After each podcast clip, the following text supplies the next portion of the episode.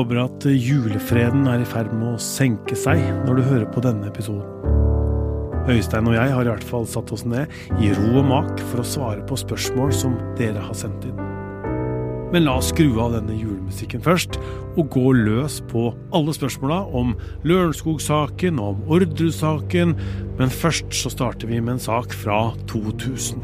Og det er Magnus som spør. Er det mulig å løse Tina Jørgensen-saken nå, eller har politiet lagt den ned? nede? Eh, det er jo ingen aktiv etterforskning i den saken, eh, så vidt vi vet, per nå. Det har jo gått en TV-serie på TV2 i, i, høst som har kasta lys over den saken, og hvor det har kommet fram ting som, som de som har laget serien mener politiet burde se på. Men jeg, så vidt jeg har fått med meg, så har det ikke vært noe Eh, positiv bekreftelse fra politiet på at de kommer til å se på saken. Um, og så er jo dette en vanskelig sak, fordi vi har vært innom det mange ganger før, og et av de store problemene, og det er jo nesten ikke til å fatte at det har skjedd, men politiet kasta jo uh, mye av bevismaterialet, destruerte det. Uh, og så er det en omstendighet til, og det er jo at liket av Tina lå jo lenge i denne kummen som jeg har vært og kikka på, ute ved Eh, kirke på Jæren, eh, og, og det er klart at det ødelegger bevis, det også, og da man først har den situasjonen, og så kasta en del av bevisene, så, så er jo dette vrient, og det er jo, da snakker vi jo om DNA, om mulig DNA-bevis. Så jeg beklager å måtte si det, fordi at uh, dette er jo en grusom sak, og en av de ja, ikke så veldig mange uoppklarte, uoppklarte drapssakene i Norge, men, eh, men, eh, jeg er redd at den eh, ikke blir løst, med mindre det skulle dukke opp noe helt spesielt. For høsten 2021 så ble jo da en person sikta for å ha drept Birgitte Tengs, og den samme personen ble jo da mistenkt, som det het den gangen, også for å ha med Tina Jørgensen-drapet å gjøre. Og nå veit vi jo at Jonny Vassbakk er frikjent for drapet på Birgitte, og og, og, hva skjer da med på en måte den mistanken?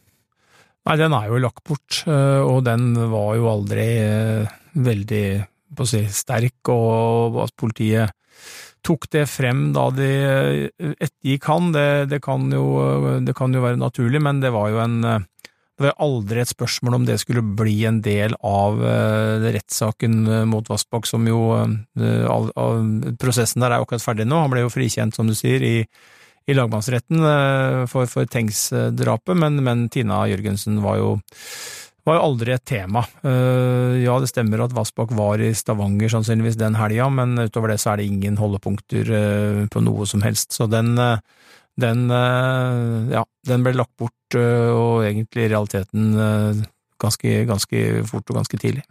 Kristin spør i forlengelsen av det at hun skriver en ting jeg lurer på er om det blei sikra prøver under neglene til både Birgitte Tengs og Tina Jørgensen. Og hun eh, peker da på Kristin Juel Johansen-saken, hvor eh, det ble avslørt eh, der en, drapsmann etter lang tid på grunn av ny DNA-teknologi, og da var det vel materialet under neglene der da, som, som var avgjørende. Og så skriver da Kristin er det ikke naturlig at, at Birgitte på en måte kjempa, og at det er da negl, altså materialet under neglene hennes, da. Ja, det antar jo at politiet gjorde. det. det som er et faktum, er at man har jo ikke funnet noe der eh, som har eh, leda i noen retning.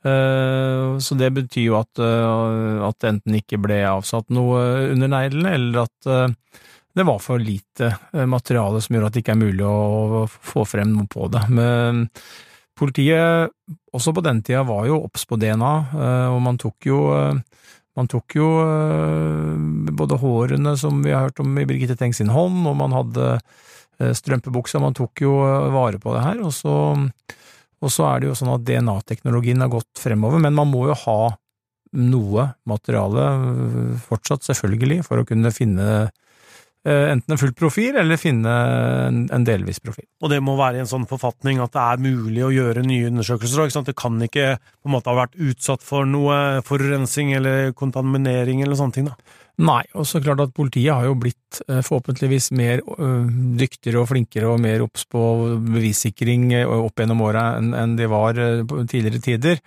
Eh, så det er klart at det kan godt hende at, eh, at man eh, kan ha gått glipp av noe. Det blir jo en spekulasjon, men det, men det kan man jo ikke utelukke. Men, men, det er ingen Vi har ikke hørt noe som jeg har fått med meg, om at det er håp eller at det er sikra noe materiale under neglene på noen av de to ofrene som kan gi et svar etter hvert. Vi hopper til en helt annen sak. Emil spør hvor står saken mot Jan Helge Andersen nå?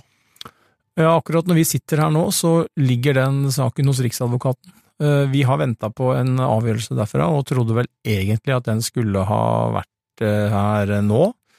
Hvorfor den ikke er her, om det er fordi at eh, man har blitt opptatt av Tengs, altså frifinnelsen av Ronny Vassbakk på Riksadvokatens kontor, og på en måte håndterer det og vurderer den dommen, som jo vi har vært inne på må ha slått ned som en bombe i påtalemyndigheten, ikke bare fordi at det ble en frifinnelse, men fordi at påtalemyndigheten fikk så flengende kritikk, eh, som jo knapt noen har sett tidligere.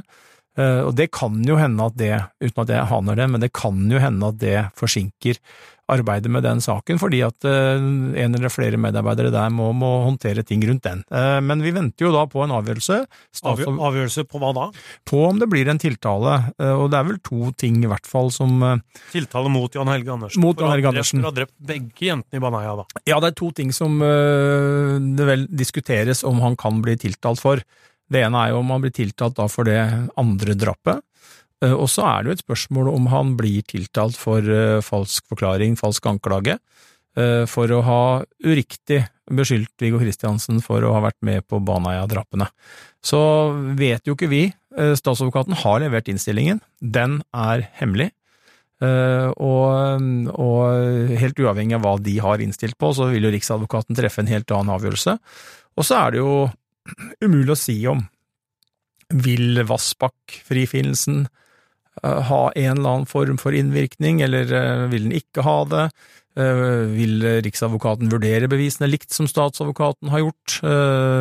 Så om den kommer før jul, det Ja, da må det jo skje veldig fort, da. Og så er det et uh, spørsmål fra Harald, som, som egentlig er um, superinteressant, for nå snakker jo hele verden om kunstig intelligens uh, og AI og alt det der. Vi gjør jo det mye på, på, jobben her på VG også.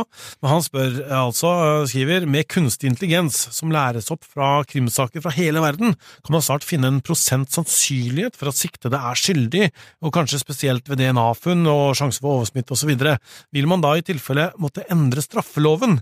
Eh, altså hevet over enhver rimelig tvil, altså at AI kan hjelpe oss da med å finne en sikrere prosent da, på om vedkommende er skyldig eller ikke. Tror du AI kommer så langt? Ja, det er et godt spørsmål, og, og hvem, hvem, vet hvor eh, AI bringer oss? Jeg tror, eh, jeg tror, det vi sitter og sier nå, og uh, tror og tenker om det, uh, er vel uh, det mest sikre er at det vi tenker og tror, ikke kommer til å bli eh, realitetene.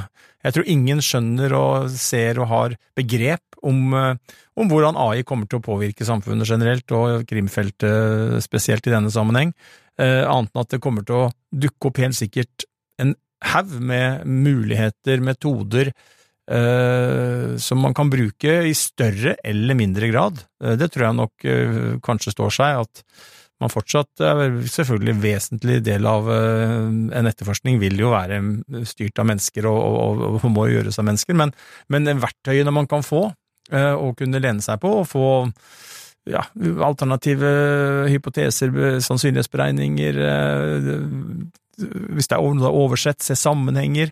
Man har jo analyseverktøy og videre allerede, men det er klart at med AI og den rivende utviklinga som, som er der, så så tror jeg at det kommer til å kunne ja, endre mange ting. Men om det kommer til å endre sånn at vi uh, man hiver inn alt i, uh, i ChatGPT eller hva det er, og trykker på enter og, og finner ut om det er 96,7% sjanse for at Tor Erling Tømt Ruud har, vært på, på epleslang hos naboen, og så skal du få en bot for det, det, det vet jeg ikke.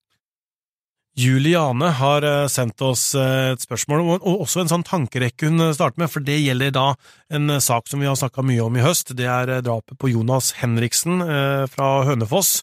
Hun skriver at i denne saken altså, har vi snakka mye om at han ikke hadde noen mistanke da han kjørte oppover til dette hytteområdet. Han skulle jo da på et fiktivt opp, oppdrag eh, der oppe. Han blir lurt da opp eh, til en hytte der, eh, og så sier hun at uh, hun stusser litt over det, at han ikke hadde noen mistanke. For det, hun sier at det kan være en kvinnegreie, men det å dele sin posisjon med venner er vel uh, som regel noe man gjør når man er litt usikker. Altså, han delte jo en skjermdump fra kartutsnittet der han var, og det, han sendte det til en kompis. Og det, mener det kan være en greie på at han var litt usikker, da. Ja, det er jo et uh, godt spørsmål, og så blir jo det jeg uh, svarer nå, det blir jo uh, si, noen analyser og spekulasjon, for vi vet jo ikke. Ehm, for det første så vet jo ikke vi, det, men det vet nok politiet, hvor ofte, eller ikke ofte, delte han sånne ting. Var det noe man gjorde i arbeidssammenheng, for eksempel, fordi at man var på et nytt oppdrag, og så øh, delte man det for å vite at da skulle alle vite at øh, det oppdraget vi er i gang med å løse nå, det, ligger her. Det er bare Aner ikke, kan være en mulighet. Og så på en annen side så tenker jeg også at vi vet jo at, at, Jonas var jo redd før han ble drept, og han hadde vært utsatt for mange ting, og han hadde tatt en rekke forholdsregler. Og da tenker jeg at hvis han det kan godt hende at han delte den, den uh, plasseringa si, altså sendte den screenshoten fordi han var litt engstelig, men hvis han hadde vært uh, Det blir jo en spekulasjon, men hvis han hadde, vært, hadde hatt ordentlig dårlig magefølelse, så kunne man jo tenke seg at han hadde tatt flere sikkerhetsgrep, da, hatt med seg noen, sagt fra på forhånd, for eksempel mer eksplisitt 'jeg skal til en jobb, jeg er usikker på hva som møter meg. Eh, hvis ikke jeg svarer i løpet av ti minutter, så, eller ikke svarer deg når du ringer, så var det dårlig dekning der, så det kunne blitt et problem, men kunne, jeg er ikke sikkert han visste det før han dro dit, eh, for å si det sånn. Eh, så, så, så, jeg tenker at liksom sånn, alt tatt i betraktning, eh, hans situasjon og bakteppet her, og alt han har vært utsatt for, og de han hadde satt opp, han hadde jo utstyrt seg med noen overvåkingskameraer, og han hadde jo gjort mange ting og opplevd mye, så tenker jeg at sånn oppsummert at det heller mot at han øh, ikke hadde sånn veldig sterk mistanke til dette her. Uh, men som sagt, dette er jo kanskje noe vi får svar på i en rettssak hvor alt av bevis og alt av avhør og forklaringer og materiale blir lagt frem, men, men, kanskje får vi også aldri svar på det. Men kan det ha vært sånn at han kom dit, da, og så plutselig så aner han ugler i mosen der, og bare bråsender dette kartunsnittet? Det kan jo hende, og vi har jo vært der uh, flere ganger og vet jo at det er dårlig mobildekning der. Uh, og det kan jo hende at han har prøvd å ringe, og at det ikke har gått. Og, eller sende melding, og så har han måtte prøvd denne varianten for å på en eller annen måte komme gjennom og håpe at telefonen flytter på seg, dette ligger og, og bufrer, og så slippes det av gårde bokstavelig talt når du får lite, en liten luke med en liten dekning der. Kanskje, Eh, men jeg bare gjentar som vi starta med. Eh, den saken har veldig mange gåter, eh, veldig mange ubesvarte spørsmål, og ett av dem er jo nettopp dette. Mm. Hun har også et spørsmål som er noe helt annet, som jeg også syns er veldig interessant. Det er, det er, det er en sånn tanke da, som noen da kan komme opp i. Hva gjør man som helsepersonell hvis man får en tilståelse av mord på dødsleiet? er det innafor å ta opp samtalen på telefon hvis man får samtykke, selvfølgelig, hvis politiet ikke rekker å komme? Ja, Hvis du får samtykke, hvis det, hvis du sitter, ligger en, en, døende pasient og sier at nå vil jeg tilstå noe, eh, ta opp, og så skal jeg fortelle på bånd at jeg ønsker at dette skal bli kjent, så kan ikke jeg helt eh, skjønne at det skal være noe eh, problem. Eh, og så er det jo sånn at eh, helsepersonell har jo taushetsplikt, eh, men man kan jo komme i situasjoner hvor det blir en Eh, diskusjonstema. Man har jo også eh, Nå er dette ting som har blitt begått, men man har jo en avvergingsplikt, ikke sant. Så hvis du som helsepersonell kommer under hånden med at noen planlegger å begå en straffbar handling som har eh, store konsekvenser, ja, for eksempel eh, kroppslig, da, at det er planlegging av drap eller noe som kan bli eh, veldig, veldig grov vold, så, så, vil du jo komme i en situasjon hvor, hvor det er en eh, ja, en avveining der da, som kommer til å sannsynligvis tippe over, selvfølgelig, at du har en avvergingsplikt. Ja, da kan du bryte taushetsplikten. Ja, avvergingsplikten din vil, vil, vil over, uh, overgå taushetsplikten, men dette er jo Dette er jo ting som må vurderes fra situasjon til situasjon. Uh, og vi har jo vært borti vi har, Du snakka om Orderud, vi har jo snakka om 180-samtalen, ikke sant, hvor disse operatørene hadde taushetsplikt, og så kom det da opp at operatøren hadde hørt mente hun, at, at om, om draps, mannen som ringer inn og forteller om drapene som skal skje. Og da går jo hun til sjefen sin, sjefen snakker med politimesteren, man blir enig om at dette må vi ha frem, og da den taushetsplikten som hun da har hatt som Telenor-ansatt overfor kundene, blir jo da oppheva, og så forklarer hun seg for politiet helt fritt, og forteller alt hun husker og alt hun eh, vet om den saken. Mm. Heidi Karoline har et eh, mer generelt juridisk spørsmål, så nå er det bare å ta fram eh, lovboka her, Øystein. Nei, det går ikke på lov, det går på domstoler. Og hun spør hvilke saker kommer opp for Høyesterett, og hvorfor? Hva er kriteriene der, og kan alle saker ankes til Høyesterett, spør hun nå. Ja, du kan jo anke, og så er det veldig få saker som slippes inn. Og det handler om at Høyesterett har, sånn skal det være, man har to instanser i utgangspunktet, det er tingretten og lagmannsretten. Og så er det også sånn at ikke alle nå får behandla saken sin i lagmannsretten. Noen får saken sin delvis behandla i lagmannsretten. Laila Bertheussen, for eksempel, fikk vel en delvis anke gjennom, og fikk ikke prøvd skyldspørsmålet fullt ut, men jeg mener det var straffeutmåling som hun fikk eh, prøvd i, i, i, i runde to. Eh, og så er det sånn at Høyesterett er veldig opptatt av prinsipielle ting. Vi har jo vært i Høyesterett i høst, eh, i flydroppsaken. Den ble jo da tatt inn av Høyesterett og underlagt full behandling, fordi at man så at det var et prinsipielt viktig spørsmål, noe som var uavklart, nemlig om Kommisjonen for gjenopptakelse av straffesaker skal få innsyn i lydopptak fra et rettsmøte eller en rettssak hvor den som har forklart seg, har forklart seg for lukkede dører. Altså Gjermund Cappelen har forklart seg for lukkede dører og fått beskjed om at dette kommer aldri ut, og så kommer kommisjonen og sier at ja, men vi vil ha disse opptakene, vi vil høre de opptakene. Og så sier jo da påtalemyndigheten nei, det vil ikke vi ha noe av, og så anker da noen av advokatene til flydroppdømte dette inn til Høyesterett, for det lagmannsretten avviste jo kravet om at uh, kommisjonen skulle få det, og da eh, syns Høyesterett at dette var interessant, ikke sant? Er det eh, hensynet til Cappelen og at han har blitt lovt taushet, da, som skal veie tyngst, eller er det at kommisjonen som skal forhindre og avdekke og rette opp justismord, skal få høre og vite og få de verktøyene, alle verktøyene de kan, for å gjøre jobben sin. Og da mente jo Høyesterett at det siste skulle skje, at nemlig kommisjonen skulle få det.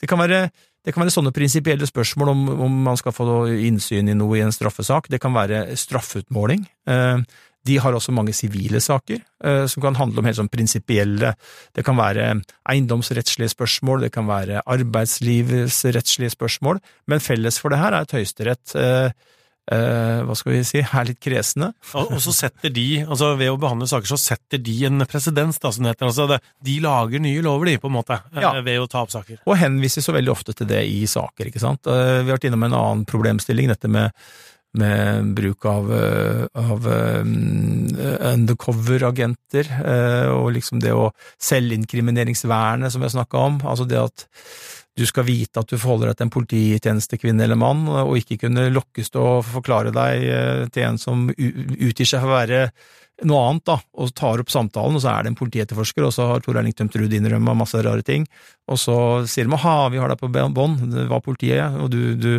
du eh, har tilstått. Det har jo vært en av de tinga som Høyesterett opp gjennom årene innenfor krimfeltet har satt og slått ned noen grenser på det på, at du, du har rett til å forholde deg taus for politiet, og du har rett, ha, rett på å ha forsvar til stede. Ergo kan ikke politiet liksom komme sånn under dekke at de er en maler, og så lure deg til å si masse ting som du egentlig ikke ville sagt hvis du visste at det var politiet. Mm. Jeg sa at de lager nye lover, det er jo feil, for det er Stortinget som lager lovene, men Høyesterett bestemme hvordan vi skal tolke de lovene. Det er jo det som på en måte endrer seg da, når Høyesterett har tatt opp en sak. Og i straffesaker så er det altså da, som du sier, straffeutmåling som, eh, som kan ankes dit. Eh, på en måte Hvor lang straff skal det være på forskjellige forbrytelser? Og så er det dette med lovanmeldelse, altså om, om, lagmannsretten har tolka da lovene eh, riktig. Ja, og saksbehandlingsfeil, hvis du ikke sa det. Så det er de, det de tinga der. Og så er det også da prinsipielle spørsmål som sånn som flydroppsaken, så var det jo ikke snakk om å altså, Høyesterett verken oppheva dommen eller fastslo at noen har øh, på å si, blitt dømt uriktig, og de, fast, de, hørte heller ikke på disse lydopptakene. Det er liksom viktig å få frem, da. Det, det eneste de tok, de aner ikke hva som er på disse opptakene. Det er det opp til kommisjonen å høre på og vurdere betydningen av. Men der var jo spørsmålet om som ble tatt helt opp til landets øverste dommere, var jo da om, om kommisjonen skulle få lov til å høre dem. Så, det, så Høyesterett de tar veldig sånn Det er eh, rettspraksis, setter rettspraksis på mange områder, både i forhold til straffeutmåling, i forhold til eh, å ja, avklarer prinsipielle spørsmål. Neste spørsmål er det Marit som stiller, og det går på denne utredningen i gjenopptakelseskommisjonen som foregår nå. Nå er jo begjæringene fra Per og Veronica Orderud om gjenopptakelse til vurdering der. Kan dere fortelle litt mer om denne prosessen? Per Orderud og Veronica Orderud leverte en gjenåpningsbegjæring for ganske mange år siden, og så trakk de den fordi at kommisjonen begynte å presse på for at de skulle fullføre arbeidet sitt, og det var, det ikke, det var ikke klart, og da trakk de den, og kom tilbake i 2018. Sommeren 2018 så, så ble den formelle begjæring om gjenåpning innlevert, og det er den som nå ligger fortsatt inn i 2024 til behandling. Og så er det viktig å si at det er jo faktisk sånn at Lars Grønnerud har jo også hatt en gjenåpningsprosess. Den drukner jo ofte litt, fordi at det er mye fokus på Per Veronica Orderud sin, øh, sin gjenåpning nå, men han øh, krevde saken sin gjenåpna, og den ble behandla tilbake i 2009–2010, og han fikk avslag. Så er det sånn at øh, Tore Sandberg øh, har jo gjort et enormt stort arbeid og produsert tusenvis av sider med dokumenter som er et Eh, underlag eh, som eh, understøtter kravet om gjenåpning. Og det har jo da påtalemyndigheten nå gått igjennom, og kommisjonen har begynt å gå gjennom det, men kommisjonen har også parallelt med det gjort egne etterforskningsskritt. Det var jo der DNA-funnet mot Kristin Kirkemo ble gjort, det var jo noe kommisjonen gjorde, de ba om ny analyse av den teipbiten. Så hadde egentlig frist, eh, partene frist nå i eh, oktober. Ja, oktober var det første. Ja, for å komme med et såkalt sluttinnlegg, hvor man på en måte oppsummerer sitt syn og grunngir det. Eh, så har det blitt utsatt eh, først én gang, fristen, til nå i eh, desember, jeg tror det var 11. desember. Og så har det blitt en ny utsettelse nå, som vel er 15. januar. Og da, hvis den overholdes, så Eh, er på en måte går saken på et vis over i en ny fase. Da, da har eh, Sandberg, Sjødin og Sulland, som jo står bak ekteparet, eh, kommet med sine argumenter og skrevet sine sluttinnlegg og ja, lagt alt de mener kommisjonen må ta i betraktning på bordet, og statsadvokatene har gjort det samme. Og måte argumentert og pekt på hvorfor de mener at det ikke skal gjenåpnes. Og så begynner jo kommisjonen, og kommisjonen har nok jobba med dette her parallelt, man har vært blant annet på befaring på Orderud gård, så det er ikke sånn at kommisjonen har sittet med hendene i fanget hele veien og, venta bare, de har vært aktive og jobba. Men det er klart, når den fristen går ut og partene har lagt sine momenter på, på bordet, så starter jo kommisjonen for alvor å behandle selve begjæringa. Og, og, og hvor lang tid det vil ta, vi har ikke peiling. Eh, om det kommer en avgjørelse før sommeren, eller om det kommer til høsten, eh, vi vet ikke. Eh, men, men, det er i hvert fall det som er gangen i det. Mm. Det er flere spørsmål om Orderud-saken her, og vi har brukt store deler av høsten 2023 å, ja, med å prate om Orderud, Øystein. Vi har jo produsert ja, er det vel over, over 15 episoder da, som går på Orderud. Den ligger på Podmy hele serien. Eh, Therese spør. Det er jo sånn at man har, har hørt for eksempel denne serien vår, da, så sitter man jo igjen med spørsmål, ikke sant. Man er jo litt av en etterforsker sjøl òg, i hvert fall er jeg det når jeg hører sånne ting. Kan det vært sånn, kan det vært sånn, har man gjort det, har politiet sjekka det? Man har sånne, sånne spørsmål, og det kommer til som er her. Eh, det, det går på denne 180-samtalen. Eh, det er altså en eh, mann som ringer 180-sentralen før drapene, og sier jo da mer eller mindre at det skal begå noen drap da på Orderud gård, og hun spør Anses 180-samtalen som et forsøk på villedning? Ja, det er jo de som har tenkt at det kan være villedning, det er de som har tenkt at det kan være forsøk på å advare. Eh, og, det blir jo 180-samtalen, altså det blir jo som uh, mye annet vi har snakka om i dag, det blir jo uh, en analyse og noen vurderinger hver enkelt må gjøre om hvordan man ser på denne samtalen, for det er jo ikke noe fasit. 180-mannen er ikke avslørt, har ikke fortalt om denne samtalen, og derfor så vet vi jo heller ikke hans versjon og, og hva, som egentlig, hva som egentlig mente å bli sagt. Det er ingen opptak av samtalen, det er kun husken til operatøren vi, vi lener oss på.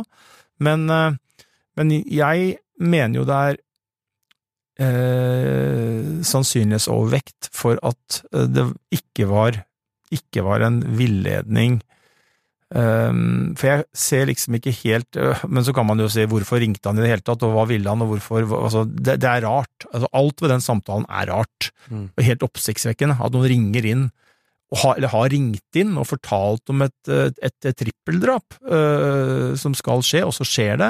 Det er jo helt uh, Ja, det er helt vilt. Uh, men, men, jeg har jo bitt meg merke i at 180-mannen spurte jo operatøren om hun hadde taushetsplikt, apropos, vi snakka om det tidligere, um, og det sa hun jo ja til. og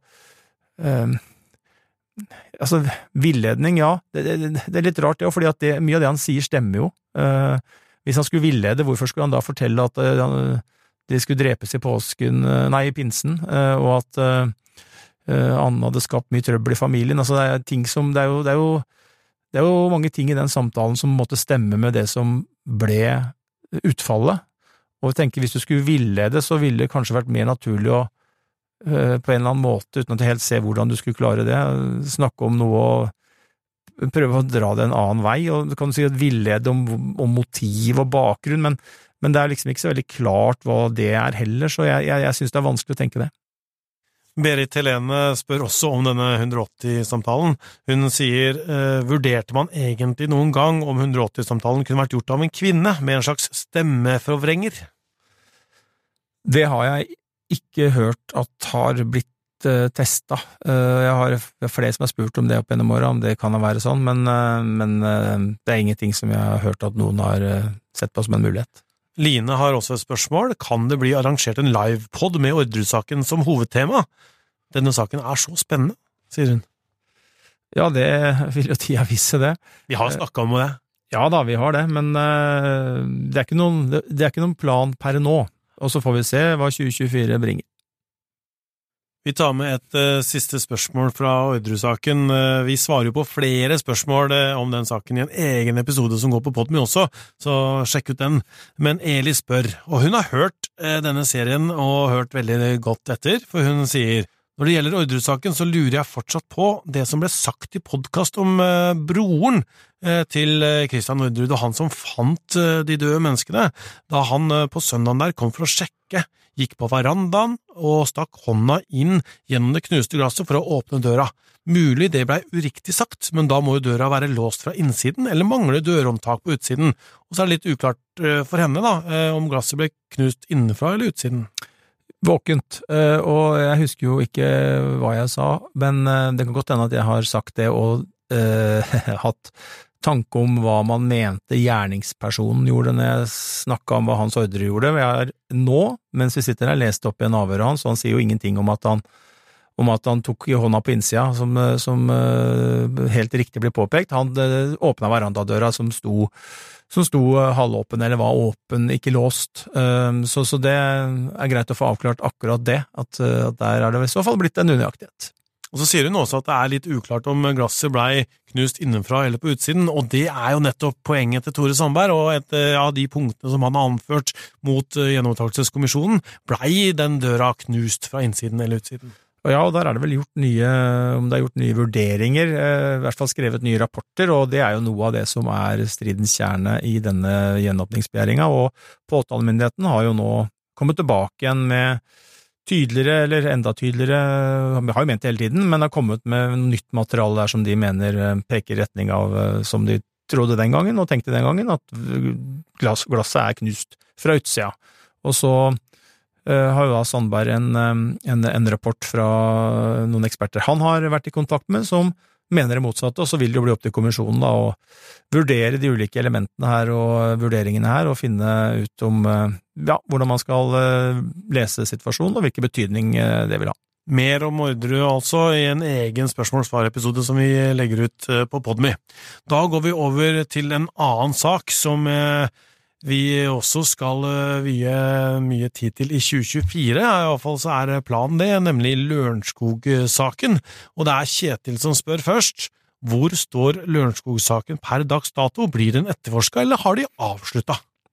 Den etterforskes, og det er ikke lenge siden politiet sa, det var nå i høst, at dette er eh, den høyest prioriterte saken i Øst politidistrikt. Og det sier eh, en god del, for Øst eh, politidistrikt har, er nest størst i Norge, tror jeg, og at den da får så, mye ressurser, det tyder jo på at det er fullt trykk i den saken, og dessuten så bistår jo fortsatt Kripos blant annet med krypto og teknisk bistand, så Eh, den saken, og vi var jo eh, på, eh, på Ski, politihuset i Ski i høst, og snakka med Lars Reinholt Østby, som er pressetalsmann i, i, den saken, og han var veldig tydelig på at politiet var optimister, de jobber på, og har vært hos statsadvokaten da tidligere i høst og fått tommel opp for både etterforskningsplanen de har lagt, og også en bekreftelse på at siktelsene mot de tre Eh, siktede i saken, altså Tom Hagen, eh, denne kryptomannen som han ble kalt, som ble tatt like etter at Hagen eh, ble, ble pågrepet, og denne mannen som har kommet inn nå, ja, 20, var det 2021 da, han som da er sikta for å ha vært med og eller hatt en rolle knytta til dette kryptorigget i forberedelsene, og som jo sitter i fengsel og har en, eh, en ankesak, eh, er det vel, eh, som han venter på. Mm. Anne-Elisabeth Hagen forsvant jo da 31. oktober i 2018, og har vært da borte i over fem år nå. Vi går inn i det sjette året da, med etterforskning i denne saken her, og Tine Jeanette spør Fins det noen saker der ute i verden som ligner på denne saken, og hvor en rik person bare forsvinner uten at noen blir dømt for det? Jeg må bare skyte inn, så ikke det blir misforstått det forrige svaret mitt, eh, Tor Erling, at eh, når jeg sier anke, så er jo ikke det i Lørenskog-saken. Han har en annen straffesak gående som han uh, venter på å få avgjort i retten, bare så ingen tror at han har Nei, det er ikke noe, er ikke noe rettssak i Hagen-saken ennå? Det er ikke det. Nei. Nei men da går vi til spørsmålet til Tine ja, da. Ja. Fins det noen sånne saker i verden? Ingen, eh, ingen, sak, så vidt jeg vet, som er direkte sammenlignbar med denne. Eh, det er jo kriminalitet på mange plan, og det er jo folk som forsvinner under ulike omstendigheter, men en sak som jeg vil si ligner på denne, ut med alle de elementene vi har her, det vil jeg ikke si vi har. Men så har vi jo da sjekka litt på nettet, og det er jo noen saker hvor rike folk blir kidnappa og, og, forsvinner og sånne ting. Blant annet i Kina så forekommer dette her eh, relativt hyppig, skal vi tro, blant annet britiske medier. da. Ja da, men uh, som jeg sa, uh, sett hen til uh, denne sakens karakter og omstendighetene her, så vil jeg ikke si at det fins noen som er direkte sammenlignbare. I Kina så er det, er det, mange ting som er annerledes enn det er her i Norge. Mm. Jan Erik spør hvor lenge kan de holde Tom Hagen sikta, om de ikke finner noe tilstrekkelig bevis som antyder at han har noe med saken å gjøre, da? Ja, det er et godt spørsmål, ehm, og vi har jo stilt det spørsmålet til påtalemyndigheten. Ehm, svaret på det er vel at det ikke finnes noen tidsfrist. Så lenge statsadvokaten eh, mener at politiet har en eh, god framdrift, og at bevisbildet tilsier det, så kan han holde sikta. Eh, og det er jo sånn at den siste rettsavgjørelsen i denne saken, som kom etter løslatelsen, altså etter at lagmannsretten i en 2-1-avgjørelse løslot Hagen og sa at bevisene ikke holdt, så gikk jo politiet tilbake igjen til Nedre Romerike tingrett med en ny eh, begjæring, det var i forbindelse med en ransaking, og da slo jo tingretten fast at det var skjellig grunn til mistanke mot Tom Hagen, og den avgjørelsen ble jo ikke klagd inn for lagmannsretten av Svein Holden, forsvareren til Tom Hagen. Så der ligger det en avgjørelse som eh, slår fast at det er skjellig grunn til mistanke, eller sannsynlighetsovervekt, for at Hagen eh, har en rolle i et drap, som jo det er det siktelsen lyder på, mot, uh, mot, kona si. Og så har vi sagt mange ganger at det er en lang, lang vei fra å ha en siktelse til å få en domfellelse.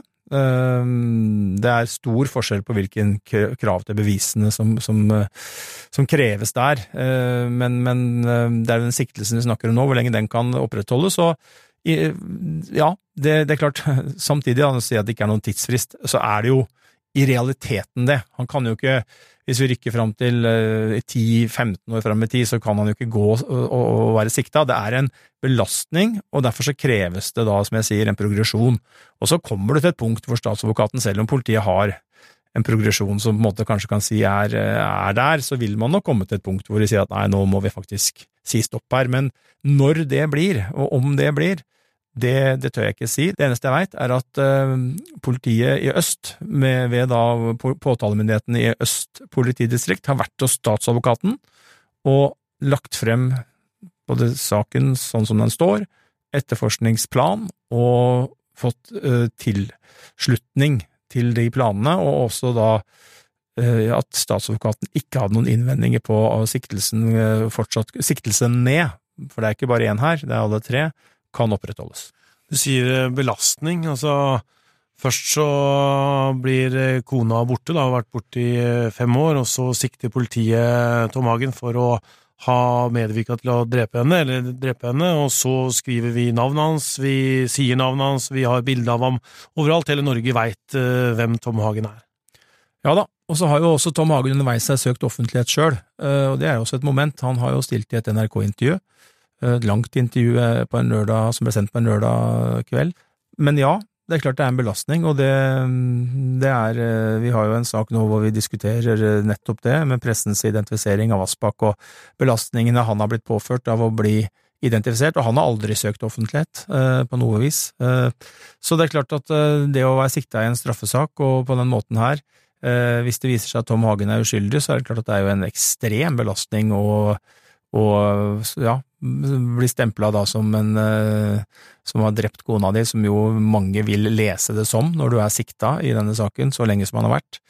Eh, selv om du etter hvert blir frikjent, så, så vet vi jo det at det er vanskelig å av, I hvert fall av og til vanskelig at folk gir slipp på, på mistanke og siktelser, og da er det klart, når du da er navngitt i tillegg, så, så blir det så blir det en ekstra belastning. Og så vil jeg jo si at i den saken her så vil det jo være litt vanskelig å anonymisere da, Hagen, fordi at her er jo motivet, som politiet ser det, handler jo om eh, samlivet mellom de to eh, og eh, eventuelle ekteskapsproblemer. Og det er klart at da, da vil det være veldig rart å skulle omtale det og på en måte gå inn i eh, eh, hva dette handler om, uten å skrive at det er ektemannen.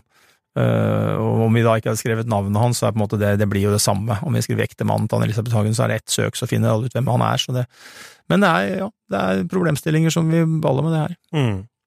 Carl har også sett nærmere på Lørenskog-saken, og han er veldig interessert i dette kryptosporet. ikke sant? Det var jo et eh, brev som Tom Hagen fant da han kom hjem og Anne-Elisabeth Hagen ikke var hjemme. Han fant dette brevet, en løsepengerbrev med noen koder og hvordan man skulle kommunisere med en motpart her som krevde ni millioner euro, eh, osv.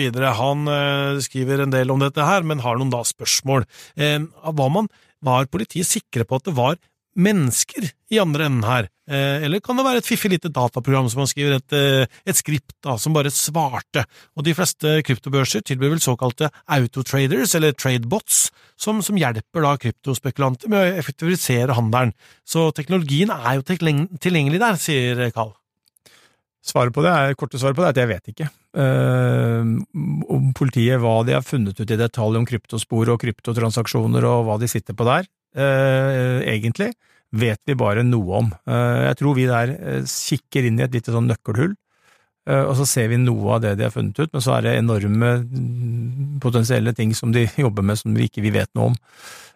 Så det kan jeg ikke svare på. Det, det, politiet sier jo ikke mye, og Kryptosporet vet vi at de prioriterer, det har de sagt. Eh, det er kryptosporet, det er åstedet, og det er videomateriale, særlig de tre stolpene der man jobber i. Eh, og hvor langt man har kommet da, og hva man egentlig vet, og om man har klart å spore noen personer, og eventuelt om man har funnet ut om det er personer, eller om det er eh, ja, et eller annet automatisert opplegg som ligger bak disse som har svart, det, det vet vi ikke, men det vi jo vet, er at de, politiet mener jo at de har identifisert eh, at passet til Ole Henrik Golf, som jo er helt uskyldig i denne saken og har misbrukt identiteten hans, at det er benytta inn her, og at man mener at det er eh, helt tydelige spor på at forberedelsene i kryptorigget starta sommeren 2018, altså flere måneder før hun forsvant.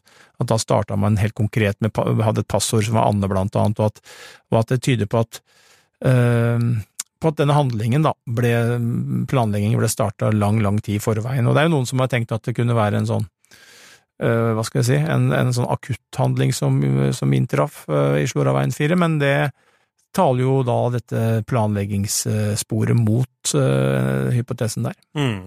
Og så kan vi vel røpe at vi driver og sysler med noen tanker om hvordan vi skal dekke Lørenskog-saken framover, og så får vi da se da i 2024 om Krimpodden kommer med noe.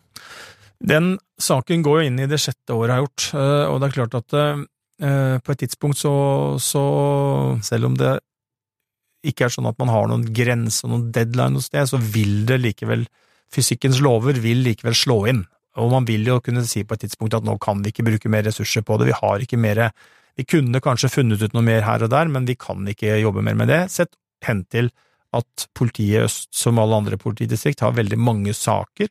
Man legger bort alvorlige lovbrudd potensielt, fordi man må prioritere ressurser, det er områder man kunne gått inn i som man ikke får gjort noe med, og dette vil jo være en helhetsvurdering. og på et punkt da, hvis man ikke får, hvis framdriften stopper og man stagnerer i Lørenskog-saken, så vil man jo kunne ta, måtte ta den avgjørelsen.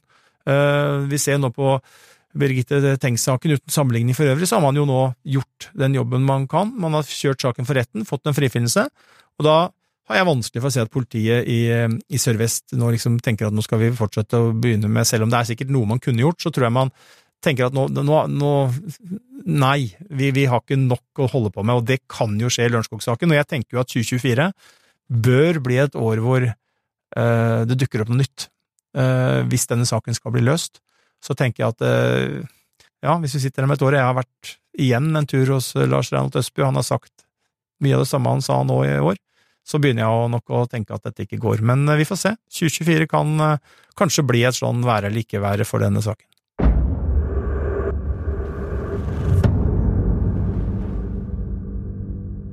Da gjenstår det bare for deg, Øystein, å takke alle som har hørt på, og ønske dem god jul. Det gjør jeg med stor glede. Eh, det er eh, mange som hører på Krimpodden, og stadig flere. Både på Podme og eh, de åpne episodene.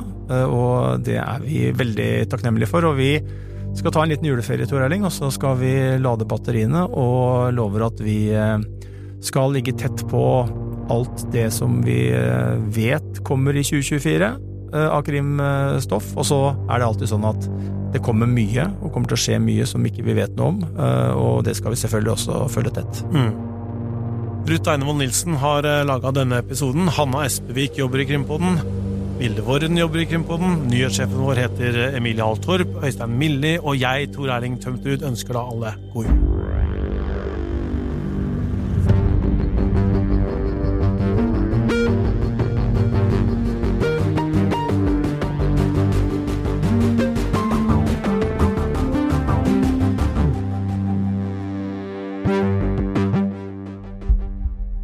Har hørt en podkast fra VG. Ansvarlig redaktør, Gard Steiro.